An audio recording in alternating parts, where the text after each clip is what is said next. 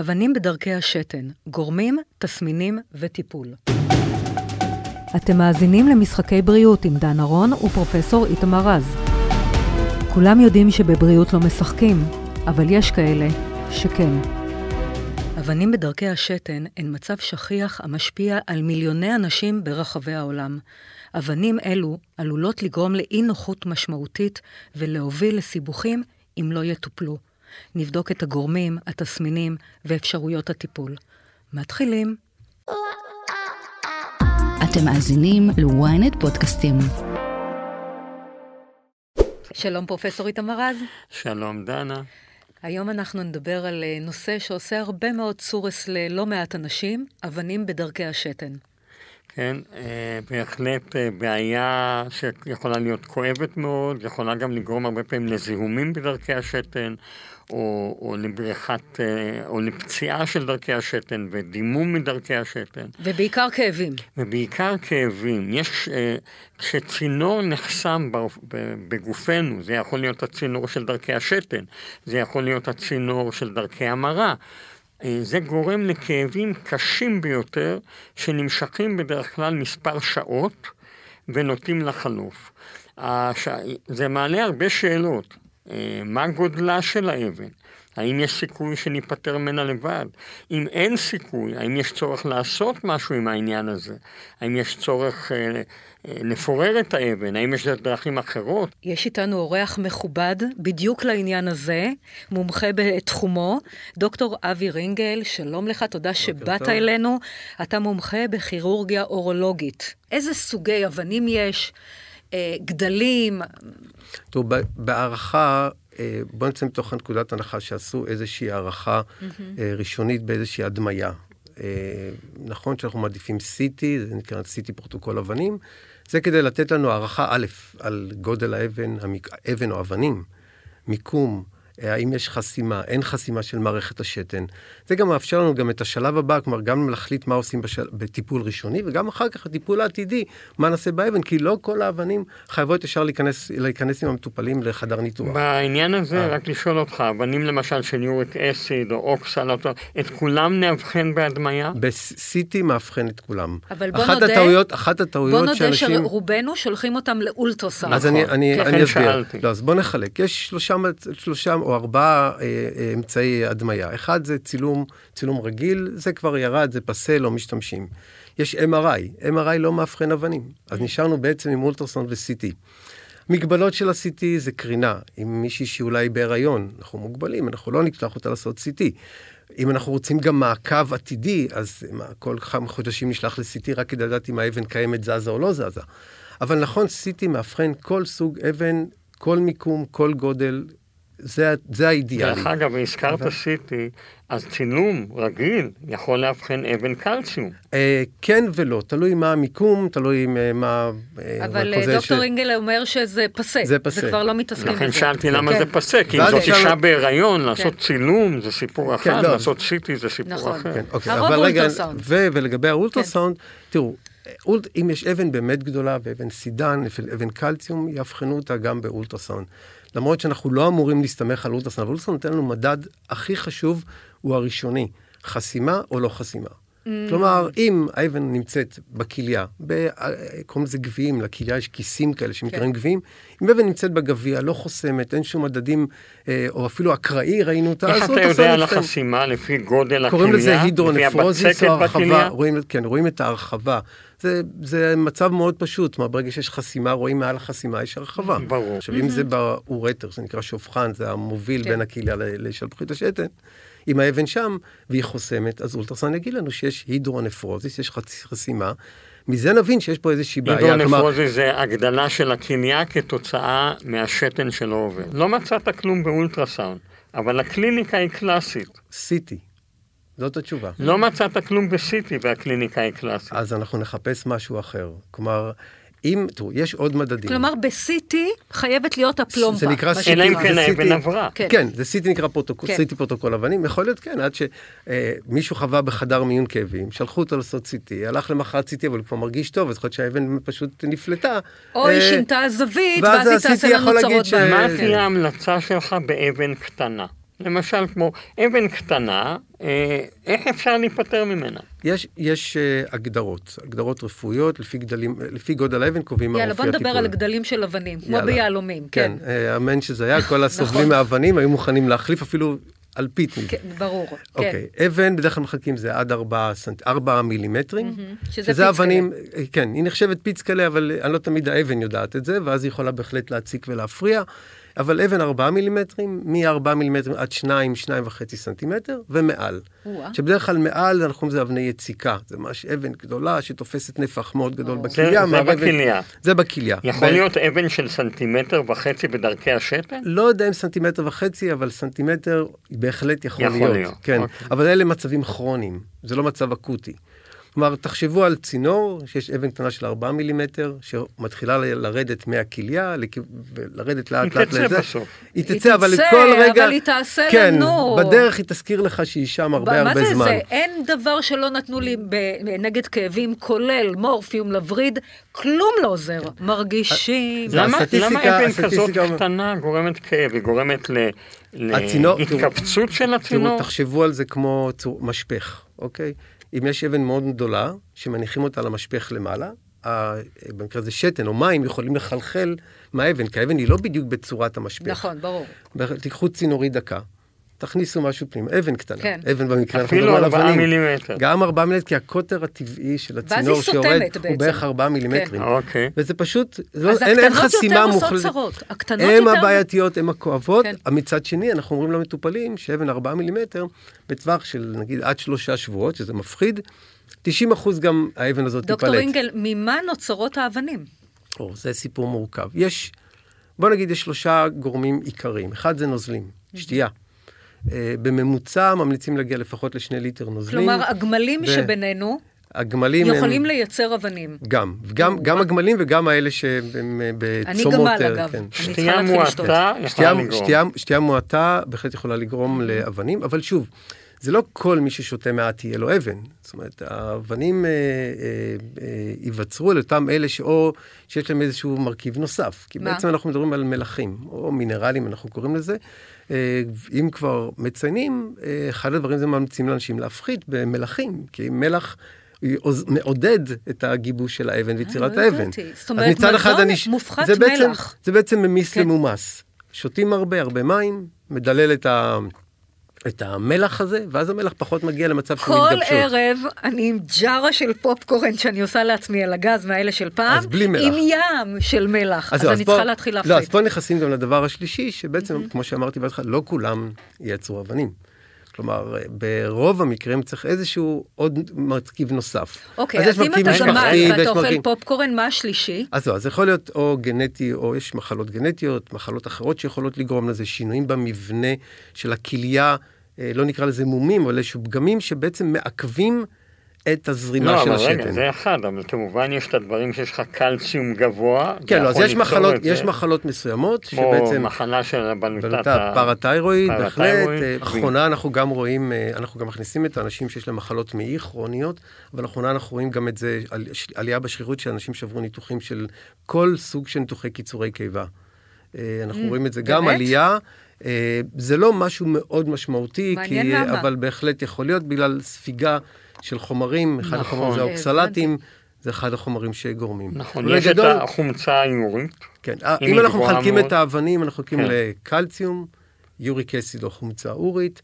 אוקסלט. מחלקים ל... אה, לא, המרכיב העיקרי הוא קלציום. כן. האוקסלט הוא באמת מתווסף, ואז הוא יוצר באמת את האבן. נכון. אה, מצבים של זיהומים, זיהומים חוזרים, בהחלט יכולים ליצור אבנים שמכילות בפנים את הזיהום, זה, אלה האבנים המקרים הקשים השאלה יותר. השאלה אם בעקבות הזיהומים יש אבנים, או בגלל האבנים מתחילים אז זיהומים. אז כנראה יש איזשהו מרכיב ש, שמעודד, אבל mm-hmm. ה, שמת, שהוא המתחיל, רק הטריגר הוא הזיהום. דיברנו על אבנים קטנות. אז מה אתה, אז בעצם אבן קטנה, אם אתה רוצה, אם אין לך כאבים, אם יש לך כאבים באותו רגע, אל תשתה כל כך הרבה, כי אולי תחמיר אותם. אה, אבל אם אוקיי. אין לך כאבים באותו רגע... מה זאת אומרת רגע? אם אתה שותה הרבה מאוד, כן. אתה משתין הרבה מאוד. אם אתה משתין הרבה מאוד, ויש לך אבן... לא אומרים לך, תשתה מלא בשביל שתשתין לא את האבן? לא בזמן הכאב. יש... אה, לא בזמן הכאב? לא בזמן הכאב. אחרי ששללנו כמובן את השלב הראשון, שזה לא מצב אקוטי, כלומר לא צריך אשפוז, כן. לא צריך טיפול או ניתוח, איזושהי פעולה דחופה.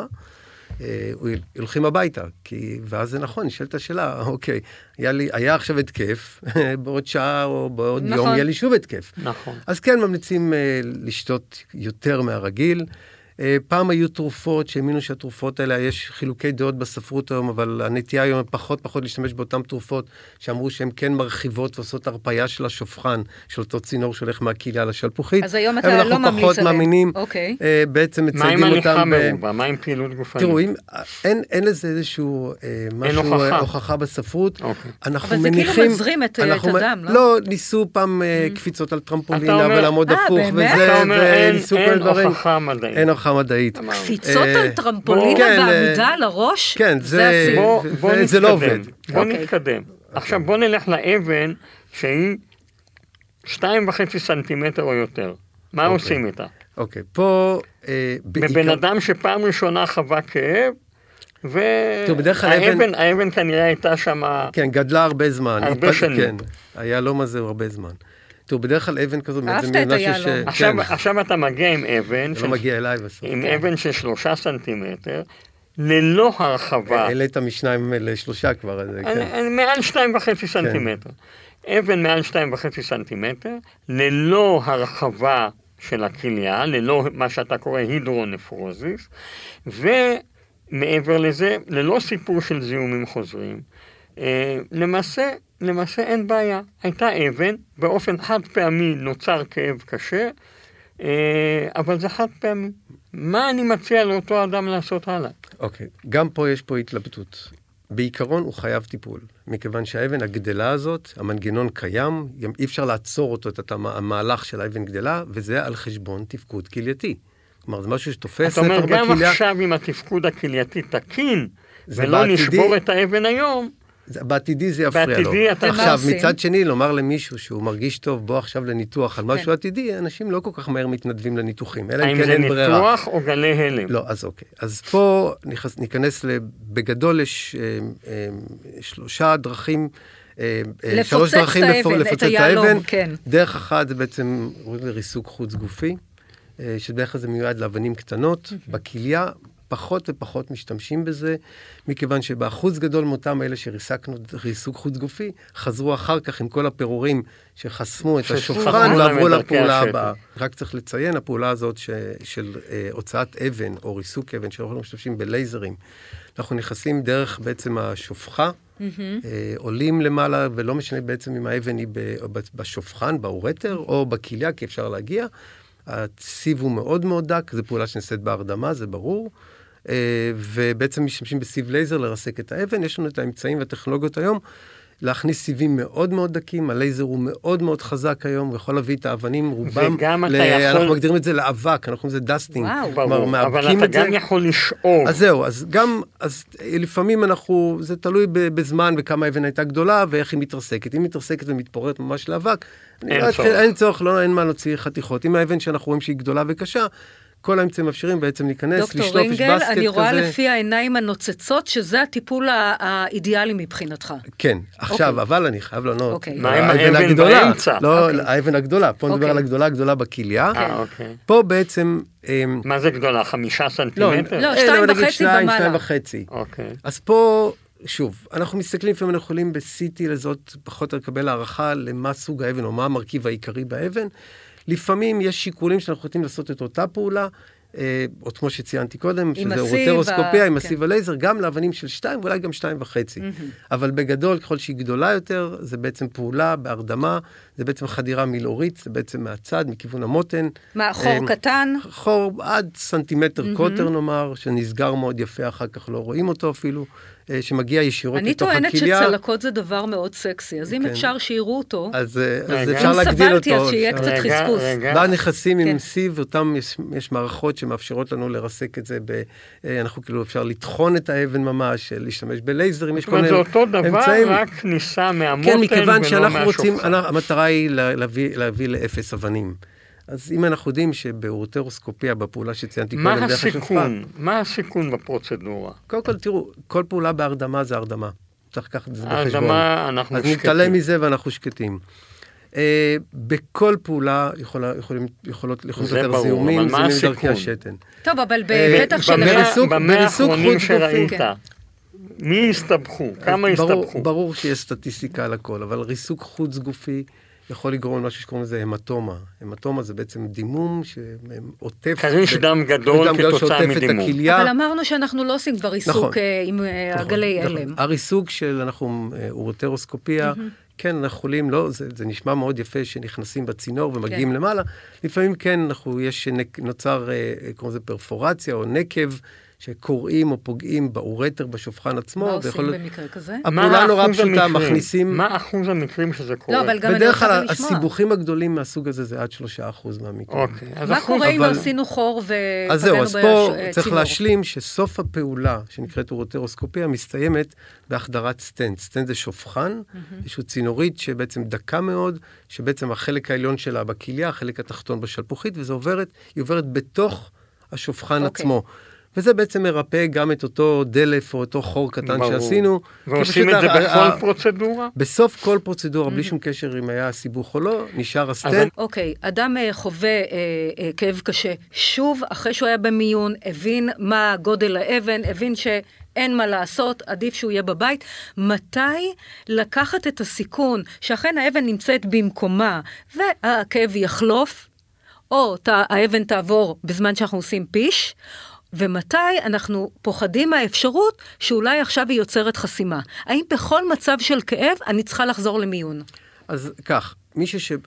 בדרך כלל מי שכבר חווה את כאב mm-hmm. ומכיר את הכאב, ובעצם מבין שאין לו חום, הוא משתלט עם תרופות נגדות כאב בבית, אז הוא אומר, אוקיי, אני מכיר, בוא נחכה, לא נרוץ עכשיו למיון, בוא נראה מה קורה בשעות הקרובות. זה לא יכול לקרות פתאום מצב קריטי שהאבן תסתום ותעשה לי צרות? הצרות זה יראה רק, רק כאב, כאב. כאב באותה לא, לא. נקודה. ההחמרה בתפקודי הכליות זה תהליך שקורה, לא, זה, זה לא קורה מיידי. האבן הזאת לא יכולה לנדוד ולסתום את היא הצינורית? היא יכולה. אירוע ראשון, כן, הבנו. הבנו.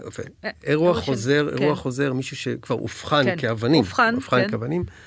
הסיפור הזה שהאבן תחסום, היא זה לא מחייב מיידי למיון, כי הדבר הראשון במיון שעושים, אם אין סימנים חובה, זה בעצם נוגד כאב. אנחנו רוצים לעזור לו נגד כן, הכאבים, נכון. שיכול לקחת את זה גם בבית. Okay. אוקיי. אבל הוא מכיר את, הם מכירים את עצמם, חובי, כן. חולי האבנים. ועברו, עברה עוד ארבע שעות, שש שעות, ההתקף חזר.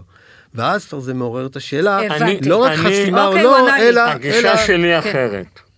אם יש לך כאב כל כך קשה, הרבה פעמים הזרקה של זריקה במיון, אנחנו לא אומרים סוג התרופות, הוא הרבה יותר יעיל מהתרופות שיש לך בבית, גם אם, ת, גם אם תצטייד. ולכן אני, אם לי יהיה כאב נוראי כמו חוזר. הכאב הזה, חוזר, ראשוני, שלישוני, אני מגיע לחדר מיון. כן. אבל אני מציע שנסכם. כן. אני חושב שאנחנו קיבלנו, אה, קודם כל תודה רבה, אה, דוקטור אינגולד. תראו, מה שלמדנו היום, זה שאבן בדרכי השתן יכולה להיות מטרד מאוד גדול, בעיקר מטרד של כאב קשה. חילקנו את זה לסוגי אבנים, שלא ניכנס לזה, אבל חילקנו את זה גם לגודלם של אבנים. שמענו מדוקטור אינגולד שכשהאבן היא קטנה, בדרך כלל, אם היא קטנה מ-4 מילימטר, בדרך כלל הגוף ידע להיפטר ממנה.